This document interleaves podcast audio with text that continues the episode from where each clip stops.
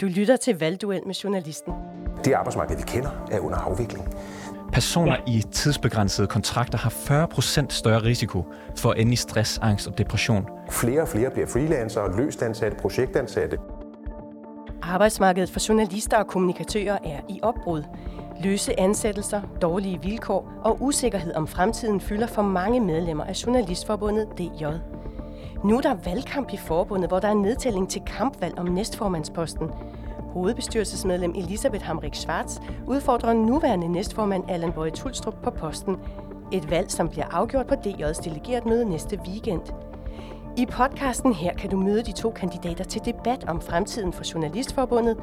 Mit navn er Marie Nyhus, og jeg er din vært i debatten.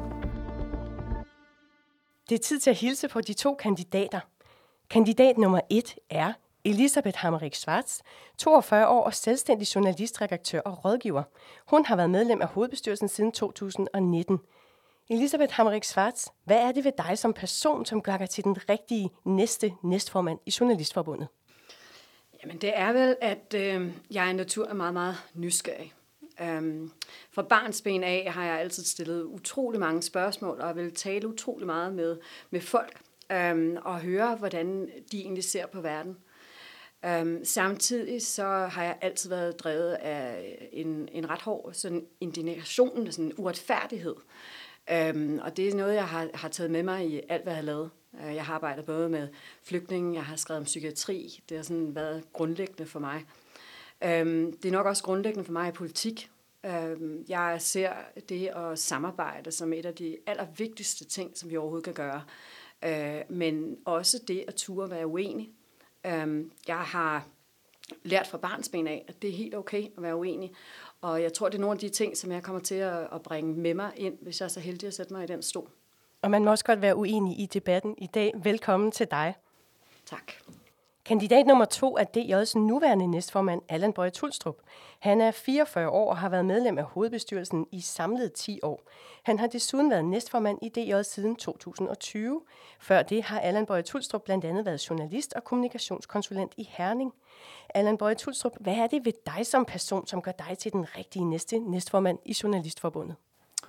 Jamen, jeg synes, at det er min, øh, min tilgang til øh, samarbejde, min tilgang til at søge kompromis og søge løsningerne. Jeg er meget optaget af de øh, relationer, der er både til vores fagligt aktive, men også ud i verden til de mange politikere og andre organisationer, som vi skal samarbejde med.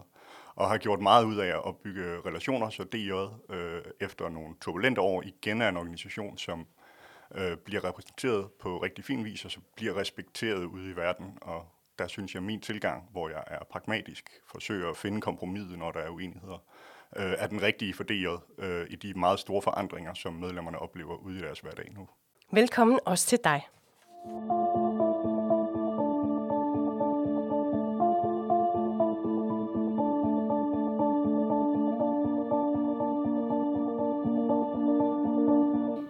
Allan og Elisabeth, vi skal tale om de medlemmer af DJ, som ikke, i hvert fald på papiret, har en fast arbejdsgiver, nemlig freelancerne. Ifølge journalistens brugerundersøgelse, så er omtrent en tredjedel af medlemmerne freelancer eller selvstændige i dag. Allan, hvis du nu tager freelancebrillerne på, hvad er så de bedste argumenter for en freelancer for at være medlem af DJ? Det er vigtigt for mig lige at starte med at sige, at jeg forstår virkelig godt frustrationen ude ved freelancerne, når de oplever arbejdsgiver, der ikke er villige til at behandle dem ordentligt. Det er simpelthen ikke i orden, og det skal vi tage alvorligt. Når det er sagt, så er man stadigvæk langt, langt bedre stillet som freelancer eller selvstændig som medlem af DJ, end ikke at være medlem. Vi har over 50 forskellige tilbud på hylderne til freelancerne, og vi arbejder hele tiden på at lave nye aftaler, der også inkluderer øh, freelancer og selvstændige. Så sent som i fredags landede vi en gennembrudsaftale øh, for freelancer på fællesoverenskomsten, som forhåbentlig vil blive godkendt i vores overenskomstudvalg her i løbet af ugen. Øh, og det er et, et stort skridt. Vi har lige landet en stor freelance-aftale på TV2, som har været efterlyst siden TV2 blev startet i 1988. Der er virkelig sket mange ting for freelancerne, men det skal på ingen måde skygge for, at det er svært at være freelancer og selvstændig derude. Og det er virkelig et, øh, et issue, vi skal tage alvorligt. Elisabeth, du har udtalt, at DJ gør for lidt for freelancerne. Kan du give et konkret eksempel på et problem, som freelancerne står med, og hvor DJ ikke har hjulpet godt nok? Jamen altså, jeg mener jo blandt andet, der er det med øh, EU-guidelines. Der synes jeg jo simpelthen, at det er på tide, at øh, vi kigger på, om vi har nogle sager, som vi kan gå i kødet med. Hvad, hvad er det, du siger EU-guidelinesene? Jamen, det, siger, det er jo specifikt for selvstændige. Fordi der er jo ikke kun freelancer i forbundet, der er jo også se, øh, selvstændige.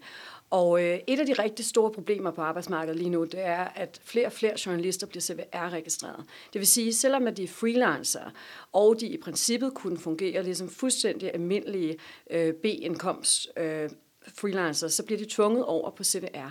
Altså, de skal registrere sig som selvstændige, i stedet for at være freelance Lige præcis. Og ja. de facto så laver du små virksomheder. Øh, og dermed så sætter du jo alle freelance-aftalerne fuldstændig ud af kraft.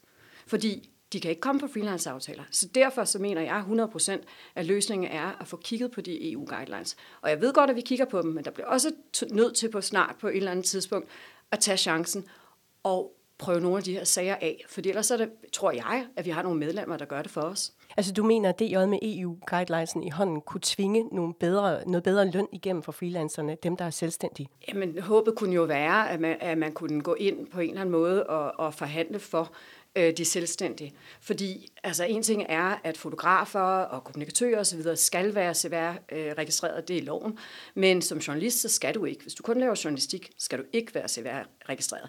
Og det er et trick, som arbejdsgiverne bruger lige nu. Og det er derfor, jeg er så sindssygt bekymret for alt det med virksomhedsoverdragelser og CVR-registreringer, chefkontrakter. Altså, øh, der er så mange detaljer, som gør, at der er rigtig mange folk, der kommer til at blive usikre på deres arbejde.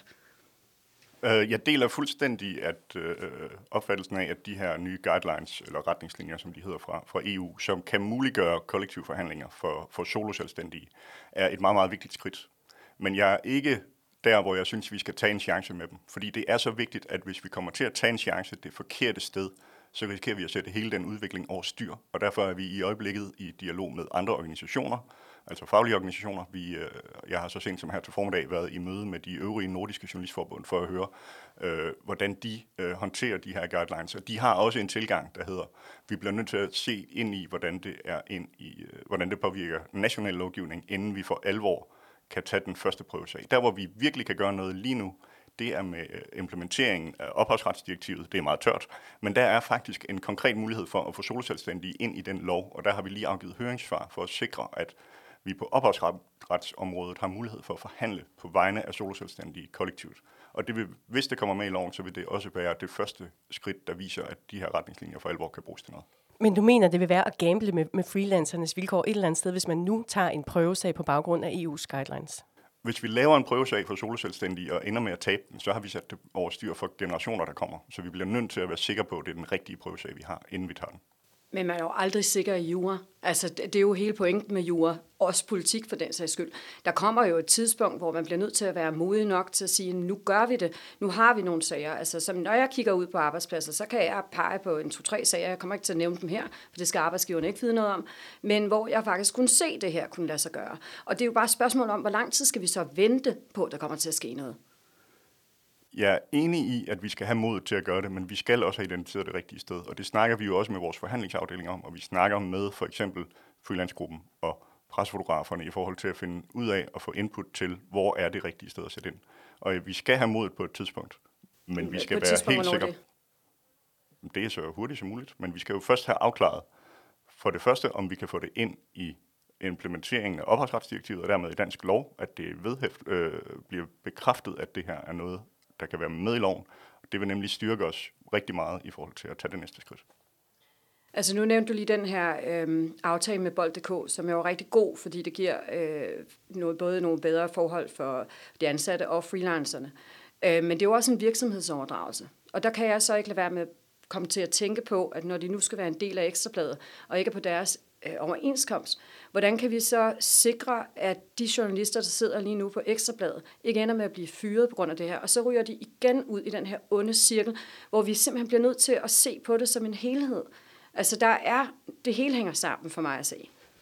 Men måske skal vi også lige øh, omkring det her, at for nylig, da DJ indgik en overenskomst uden en aftale for freelancerne på dagbladsområdet, så skabte det stor utilfredshed blandt øh, freelancerne. Øh, for eksempel var der en freelance journalist, som sagde til journalisten.dk, og her kommer lige et øh, citat. Siden 2007 har jeg været medlem og betalt penge til det fagforbund, og jeg har ikke brug for flere kurser eller rådgivning. Jeg har brug for nogle vilkår, der matcher dem, de fastansatte har. Allan, har denne her freelance journalist ikke en pointe i, at hun får mindre sikkerhedsnet for sit kontingent end et medlem, som er fastansat på en arbejdsplads med overenskomst? Jamen, det har hun jo til en vis grad. Omvendt forsøger vi jo hele tiden at skabe det sikkerhedsnet på andre måder. Øh, den freelance-strategi, vi, øh, vi foreslår delegeret mødet at vedtage, den bygger jo på tre dele. Den ene handler om at påvirke lovgiverne til at skabe bedre vilkår. Den anden handler om at få flere aftaler for freelancer, og den er rigtig vigtig i den her sammenhæng. Og den tredje handler om at øh, uddanne og kompetenceudvikle freelancer til at have den bedst mulige forretning og hjælpe dem på vej til at gøre det. Men det er rigtigt, at der ikke kom en freelance øh, rammeaftale på DMA. Hvis der var kommet det, ville vi jo stadigvæk skulle ud og forhandle lokalt med de enkelte mediehuse i dag, øh, øh, øh på dagbladsområdet. Det vi nu gør i stedet for, er at tage mediehusene et for et. Øh, Bold.dk har nu en, øh, den første freelance-aftale på fællesoverenskomsten, som er vores største overenskomst på dagbladsområdet. Det betyder, at vi har både på DR, TV2 og fællesoverenskomsten nu øh, freelanceaftaler, det er vores tre største overenskomster. Men du anerkender, at hun i et eller andet omfang får øh, et ringere sikkerhedsnet end andre medlemmer af Journalistforbundet. Øh, skal hun så have rabat på sit kontingent? Vi beder jo også delegeret om at kigge på vores kontingentstruktur. Og det vender vi tilbage til. Men den freelancer, som ikke får det samme sikkerhedsnet for sit kontingent som andre medlemmer, skal hun have rabat? Uh, umiddelbart nej, fordi så er der jo til gengæld en lang, lang række andre tilbud, vi har til freelancer, som netop er udviklet til freelancer, som hun så til gengæld har adgang til, som, som de fastansatte ikke nødvendigvis har adgang til. Elisabeth, du markerede. Ja, og det er jo fordi, jeg er totalt uenig. øhm, jamen lad mig starte fra en ende af. Altså det her øh, med rammeaftalerne, altså det, jeg forstår jo fuldstændig den frustration, fordi det er jo også en frustration, jeg har selv. Øhm, jeg synes, at, at det, er, det er ærgerligt, at man siger, at så må vi prøve igen om to år. Det ved arbejdsgiverne godt. Altså, uh, de ryster i bukserne, er jeg sikker på. Ikke? Altså, øh, jeg synes, at vi er der, hvor, hvor vi kan simpelthen ikke... Øh, vi kan ikke vente længere. Altså, vi bliver nødt til at blive siddende til, at, at øh, altså, vi, vi skal ikke gå hjem længere. Det, det bliver simpelthen nødt til at være et krav. Når det kommer til, stø, øh, når det, kommer til det med, øh, med kontingentet, så er jeg faktisk rigtig uenig. Fordi jeg vil ønske, at vi kunne få så sund en økonomi, at vi kunne give folk uden overenskomst. Og det her er jo ikke kun freelancer selvstændig. Det er kommunikatøren, der sidder på byråerne uden overenskomst, det er løst tilknyttet, alle de her øh, at kunne give dem rabat på kontingentet, fordi det tror jeg faktisk vil gøre, at folk vil kunne se en større værdi. Ja, jeg vil gerne have tilbage til det her med freelancernes øh, vilkår, fordi det er jo et faktum, som Allan også nævner, at DJ har arbejdet for bedre vilkår for freelancerne i overvis, og vi taler altså årtier, ikke bare en håndfuld år. Hvorfor mener du, at det skulle lykkes bedre, fordi du bliver næstformand? Jeg tror simpelthen, at jeg forstår det her område bedre. Jeg har arbejdet i det i ni år. Jeg ved præcis, hvordan det er at være freelancer. Jeg ved præcis, hvordan det er at være selvstændig. Jeg kender forskellen på det. Jeg ved, hvad det betyder at blive sparket ud fra den ene dag til den anden. Og jeg ved, hvad det har for nogle konsekvenser, når vi skal ind og forhandle løn. Hvor meget medierne presser, og så kan vi komme med nok så mange vejledende vilkår. Men virkeligheden er, at du får en løn tilbudt, og så kan du tage den eller lade være. Og især for de unge journalister, så tror jeg, at det er så svært at sige nej. Jeg er privilegeret i situation, hvor jeg tjener gode penge og har været selvstændig i lang tid, så jeg har ikke det problem. Men det har de unge ikke. De bliver nødt til at tage opgaverne. Og når det kommer til fotografer, nu underbetaler de så meget, at hvis de skal overleve, så bliver de nødt til at tage, hvad det hele er. Ikke? Jeg forstår, at du ser problemet, men hvad vil du prøve at gøre, som DJ ikke allerede har forsøgt at gøre? Jamen altså, for det første, så, så de her lokalaftaler, det er jo der, hvor det bliver rigtig vigtigt. Øh, og jeg er også rigtig ærgerlig over den rammeaftale, men det er jo også et spørgsmål om, så må vi komme op på hesten, og så må vi se, hvad vi kan lykkes med. Men konkret, hvad vil du gøre? Jamen, ind og forhandle de lokale aftaler. Og så er jeg altså igen tilbage ved de her EU-guidelines, fordi den er altså så afgørende. Jamen, helt kort, jeg vil også forhandle lokale aftaler. Det var også præcis det, jeg sagde, da jeg blev konfronteret med, at vi ikke fik en rammeaftale. Det var jeg ked af. Men til gengæld skal vi jo så bruge de næste to år på at få så mange øh, lokale aftaler som overhovedet muligt.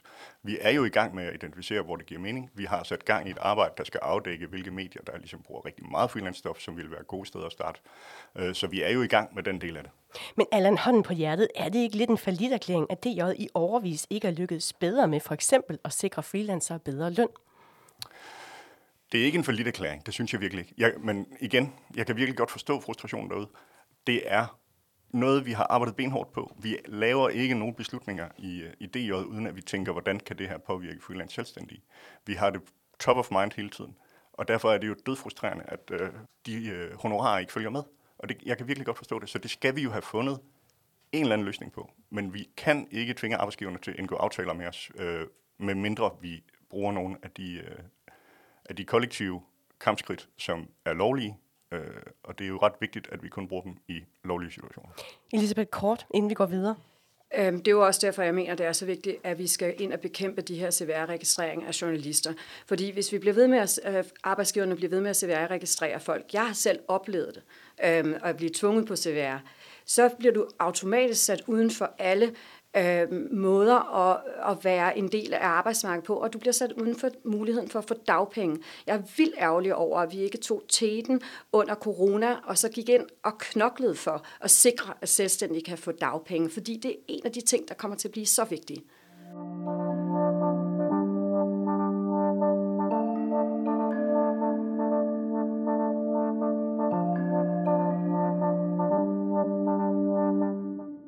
Journalistforbundets økonomi halter, blandt andet fordi medlemstallet plejede at stige, men nu er det stagneret. Forbundet skal spare i omegnen af 4,5 millioner kroner over de næste tre år. Et af de forslag, som har været rejst for at rette op på økonomien, det er at hæve kontingentet med 10 kroner om måneden. Forslaget har været drøftet på hovedbestyrelsesmødet, og, skal tages, øh, og der skal tages stilling til det nu på delegeret mødet i weekenden. Allan, du stemte imod at hæve kontingentet. Hvorfor? Jeg synes ikke en, øh, en timing, hvor vi lige nu kigger ind i øh, høj inflation. Vi har medlemmer, der har svært ved at få øh, de ordentlige honorarer osv., så, så synes jeg ikke, det er nu, der er tiden til at, at hæve kontingentet. Samtidig beder vi delegeretmødet om at kigge på en stor reform af hele vores øh, kontingentstruktur. Det forslag, der ligger, øh, er sat til at træde i kraft øh, 1. januar 25. Det vil sige kun fire måneder før vi alligevel skal have et delegeret møde, hvor vi jo så skal snakke om, hvad er vores nye kontingentstruktur. Så derfor synes jeg ikke, det gav mening øh, for fire måneders øh, forhøjelse på en tier og, og tage det skridt allerede nu, når vi alligevel skal kigge på hele kontingentstrukturen. Men det at kigge på hele kontingentstrukturen, hvad skal det enkelte medlem have ud af det?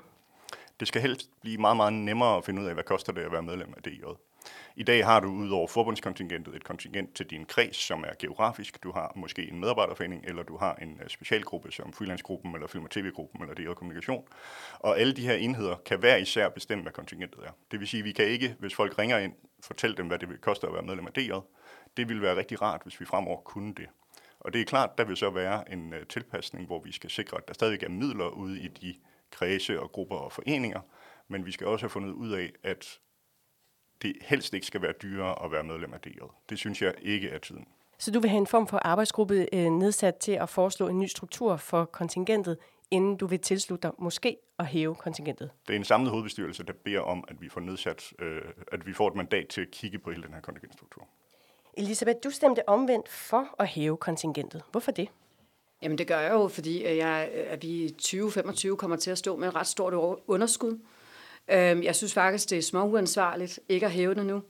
Øhm, når man siger, at vi skal kigge på det i struktur, det er endnu en af de ting, som vi har kigget på i utrolig mange år og talt utrolig meget om. Øhm, men, men virkeligheden er altså nu, om to år, så står vi og kommer til at have et underskud, hvis vi ikke gør noget. Og der har ikke været et bedre bud på bordet i, hvordan vi ellers skal genrejse den her økonomi. Som jeg ser på det, så bliver vi jo nødt til at, øh, også kigge på struktur. Ja, ja, men det er jo en demokratisk øvelse for mig at se. Det er jo for at gøre det nemmere at være medlem. Det er jo ikke en spareøvelse. Så det der med at bare tro, at så kan vi finde pengene der, det tror jeg er rigtig, rigtig naivt. Øhm, omvendt så vil jeg også sige, at, at øh, jeg er da også ærgerlig. Jeg synes da heller ikke, at det er fedt. Men hvis vi nu havde lavet kontingent sige en krone i de sidste 20 år, så havde man måske ikke mærket det, og så var vi ikke i den økonomiske situation, vi er nu. Så, så jeg vil blot bare sige, at så længe der ikke er noget bedre bud på bordet i forhold til, hvordan vi klarer den her økonomi, så, øh, så er det jo det eneste knap, vi har at skrue på. Men det forslag, I har stemt om, det var at hæve kontingentet med 10 kroner fra 1. januar 2025. Hvorfor gør det så stor en forskel, om man vedtager det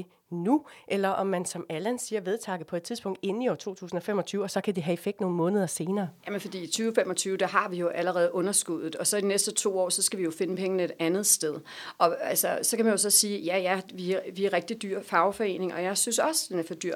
Men jeg vil jo hellere hen et sted, hvor vi får så sund en økonomi, at vi netop faktisk kan skrue på kontingentet, og for eksempel gøre det billigere for dem, der ikke har en overenskomst. Eller sikre for de nyuddannede, at de kan få halv kontingent de første tre år, så fordi der desværre er en risiko for, at de rammer ind i en dårlig arbejdsgiver og får brug for os, og på den måde ser værdien af en fagforening. Så det handler om fastholdelse, men det handler også om at tænke økonomisk ansvarligt, og jeg synes, det er uansvarligt ikke at, øh, at se på det nu, frem for at se på det om to år, når vi står der. Det skal du svare på, Allan. Er det økonomisk uansvarligt ikke at vedtage nu og hæve kontingentet? Jeg, jeg er jo ked af at blive kaldt både naiv og uansvarlig i, i, i samme indlæg her. Det var nu ikke dig personligt. Men... Øhm, de sidste fem år har DJ's øh, samlede underskud været på 200.000 kroner. Øh, det synes jeg er rigtig, rigtig fint. Vi er en forening, vi er ikke en forretning, og vi er demokratisk funderet. Det vil også sige, at ting tager tid. Det meget besværlige ved demokrati, det er jo inddragelsesprocessen. Det er, at vi skal have baglandet med, vi skal høre folk. Det kan godt være frustrerende, at ting tager tid. Omvendt er det den bedste måde at sikre, at vi har alle medlemmerne med i, i de processer, vi har. Og derfor synes jeg, at et arbejde over, og det er faktisk relativt hurtigt arbejde, over et års tid på at kigge på kontingentstrukturen, må være den rigtige vej frem. At vi har et underskud i 25, det er rigtigt. Men det må vi så også som ny hovedbestyrelse, dem der nu skulle være en del af den, kigge på, om det er nok ikke at spare sådan bredt ud over det hele. Der må være enkelt ting, vi så kan kigge på og få løst, og forhåbentlig er den investering, vi gør i rekruttering og vævning, også med til, at vi får flere medlemmer, og dermed også en bedre økonomi. Men altså, som Elisabeth nævnte lige før, kontingentet er ikke sted i omtrent 20 år, og nu mangler der penge i kassen. Er det i virkeligheden ikke lidt symptomatisk, at det du så vil løse det med, det er en ny undersøgelse af kontingentstrukturen, og hvordan skal man rette op på det? Kontingentstruktur er noget, og nu bliver det desværre sådan en lille smule nørdet, men det er jo noget af der, hvor der hvor der er penge, er der magt, og det betyder, at den her ret til at udskrive kontingent ude i grupper, kredse, foreninger, den er ret vigtig for folk, og derfor er det ikke noget, man bare kan løse. Og siden 2019, da vi havde Fremtidens Forbund, har det her jo været en diskussion, der har kørt. Det er også en diskussion, der stadigvæk kører, og det, at vi nu siger, i 2025, der tager vi en beslutning på det her. Det synes jeg faktisk er et ret stort skridt. I forhold til tidligere hovedbestyrelser, så synes jeg, det er helt vildt, at den nuværende hovedbestyrelse bruger ordet enhedskontingent, uden at være bange det er faktisk en meget, meget stor bevægelse, at man er begyndt at snakke på den måde i den nye hovedbestyrelse. Elisabeth, hvad siger du til det? Men jeg kan bare ikke lade være med at tænke på, fordi der er jo kontingentet, og så er der det, du betaler til specialgrupper, eller foreninger, eller medarbejderforeninger, hvor du nu er medlem. Altså det her med at gå ind og så sige, jamen, skal vi så tage penge fra dem? Skal vi gøre altså, foreningerne øh, fuldstændig sætte med under DJ, eller hvad er tanken? Fordi det er bare en lang proces det her, og jeg tror ikke, som specialgruppeformand i min egen specialgruppeforening, der er jeg med på at lave et lavt kontingent. Vi har kun 5 kroner, men jeg er bare ikke sikker på, at det er alle, der kan være med på den, og hvordan vil vi sikre det, før at vores økonomi løber løbsk? Altså, jeg har jo ikke en løsning, og det er også derfor, vi skal arbejde med det. Jeg har ikke en eller anden forkromet plan om, hvordan det her skal ende. Jeg vil gerne høre, hvordan de enkelte bestyrelser og vores bagland og vores faglige aktive ser på det her, så vi finder den løsning, som alle kan være i. Og derfor vil jeg ikke smide en eller anden løsning på banen på forhånd, for ligesom at trække den ned over hovedet på folk. Jeg vil gerne høre, hvor folk er, og så skal vi sammen have fundet en løsning, på en eller anden form for enhedskontingent, hvor vi kan fortælle folk, hvad koster det at være medlem af DJ.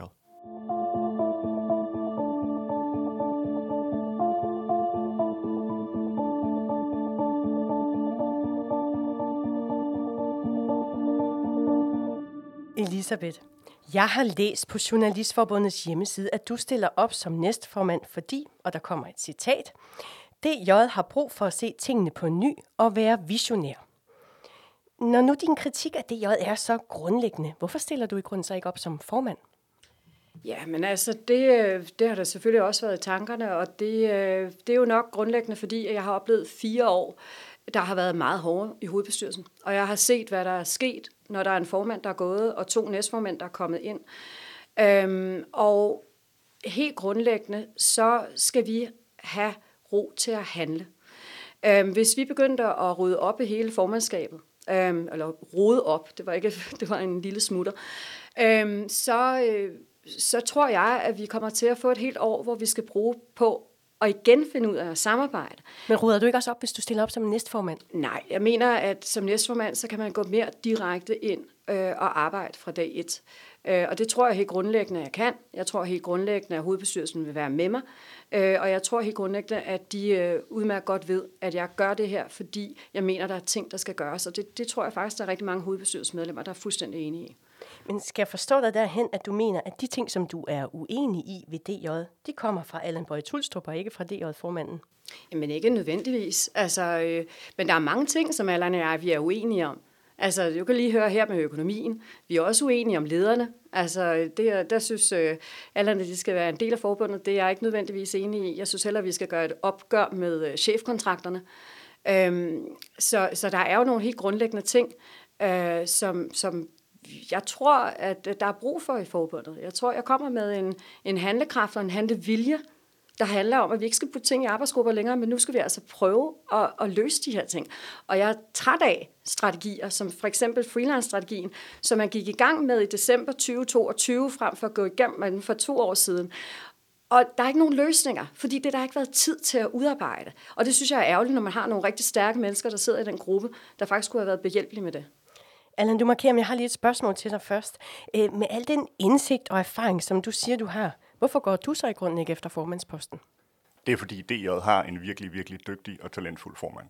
Øh, Tine Johansen har formået, siden hun på en lidt trist baggrund lige pludselig blev formand, og løfte DJ's omdømme på helt utrolig vis. Hun arbejder solen sort, og hun er den bedst mulige formand for DJ. Til gengæld vil jeg så sige, at øh, det overrasker mig lidt, at du kritiserer freelance selvstændig strategien. En, en af grundene til, at at vi blev nødt til at arbejde lidt hurtigt på den, var jo, at vi i maj 21 nedsatte en arbejdsgruppe, der skulle kigge på, hvilke udfordringer selvstændige havde. Det var en arbejdsgruppe, du sad i. Den har aldrig afrapporteret tilbage til hovedbestyrelsen. Øhm, arbejdsgrupper er jo en del af demokratiet, og det er jo det, der er med til at modne de her mange forskellige beslutninger, vi skal tage. At være en handlingsperson, det er rigtig, rigtig fint, men det er ikke en organisation, hvor man fra dag til dag kan skifte kursen, uden at det har rigtig mange konsekvenser og også meget uforudsete steder. Ja, og netop det der med uforudset. Der skete rigtig mange uforudsete hændelser i den arbejdsgruppe, der simpelthen gjorde, at folk ikke kunne samles, og jeg er så ærgerlig over det, fordi jeg havde mange ting, jeg godt kunne gøre, men jeg kunne ikke gøre det alene. Altså det er jo derfor, jeg er ærgerlig over, at vi for eksempel nedlagde flere selvstændige udvalget, så det ligesom var forankret i hovedbestyrelsen, og møderne lå i kalenderen og så videre. Fordi når der sker private ting i folks liv, så kan de bare ikke. Altså, og det er jo det, der er problemet, og det er jo det, der er problemet at være faglig aktiv. I forhold til det her med at være handlingsorienteret, så er det også, altså du har jo siddet i forretningsudvalget i to år, øh, og i hovedbestyrelsen i fire år. Der er jo ikke kommet et forslag fra dig til mødet. Der er forslag, som vi samlet hovedbestyrelse står bag, men det er jo ikke nogen af alle de her forandringer. Dem kunne man jo også have foreslået ved at lave ændringsforslag til budgettet, ved at stille forslag inden øh, fristen for, for ting, som det også skulle gøre. Alle de muligheder har du jo haft men har valgt ikke at gøre. Og nu kommer du så med en masse forslag til ting, vi skal gøre anderledes, som i virkeligheden nogle af dem jo kræver en delegeret mødegodkendelse. Det passer, det, faktisk ikke, øh, det passer jo faktisk ikke, Allan. Jeg kom med et forslag omkring at ændre måden, hvordan vi vælger demo, øh, delegeret på, så det kan blive langt mere demokratisk, end det er nu. Og jeg tror også godt, du ved, at jeg i forretningsudvalget i den grad har råbt op, når jeg mente, at der var noget, øh, der ikke gik, som det skulle. Og jeg synes, jeg har råbt vagt i gevær mange gange Øh, og det er jo der, hvor jeg tror på samarbejdet. Altså det, det er jo simpelthen der, hvor vi bliver nødt til at gå ind og finde løsningerne. Altså, og det, det mener jeg jo ikke, at formandskabet har været med på. Og nu stiller du så op som næstformand, Elisabeth. Det skal jo afgøres, afgøres på delegeret med her i weekenden. Har du sikret dig, at du har delegeret nok til at blive valgt som næstformand? Altså, man kan jo aldrig vide. Men jeg tænker, du har vel gjort dig dit forarbejde og sikret i hvert fald nogle stemmer. har jeg gjort mit forarbejde. Så for sikker føler du dig på, at du kan lykkes med det her? Hvis jeg øh, ikke følte mig sikker, så vil jeg ikke stille op. Allan, øh, jeg vil også gerne høre dig, hvad du har gjort for at sikre dig delegeret nok til at blive genvalgt som næstformand. Jeg synes, jeg har brugt de sidste to år på at vise, øh, hvad jeg gerne vil. Jeg synes, at jeg, vi med de fagpolitiske prioriteringer tager hul på en række, række rigtig vigtige diskussioner. Øh, jeg har stor tiltro til, at de delegerede godt kan se, at der er brug for en sikker hånd på rettet i usikre tider. Øh, uden at lyde som Mette Frederiksen, så er vi øh, lige nu i forskellige former for kriser, afhængig af hvilken faglighed man har. Jeg synes ikke, at det er tiden til at ryste træet alt for meget. Men føler du dig sikker på, at du kan genvinde posten? Man kan aldrig være sikker. Det er jeg helt enig med Elisabeth i. Jeg glæder mig til at se, hvad der sker på mandag. Og så vil jeg lige sige til lytterne, at der er 350 tilmeldte til et delegeret møde, så hvis alle møder op, så kræver det 176 stemmer at blive næstformand. Elisabeth Hamrik Svarts og Allan Bøje Tulstrup, vi skal til at runde af, men som et sidste spørgsmål, så vil jeg gerne spørge jer begge to. Hvad er den bedste grund, som du kan se til at stemme på din modkandidat? Allan, jeg vil gerne høre dit bud først. Øhm, Elisabeth er virkelig passioneret omkring det, hun går ind i. Øh, og den passion, den, øh, den har jeg ikke. Der er jeg måske mere den pragmatiske type.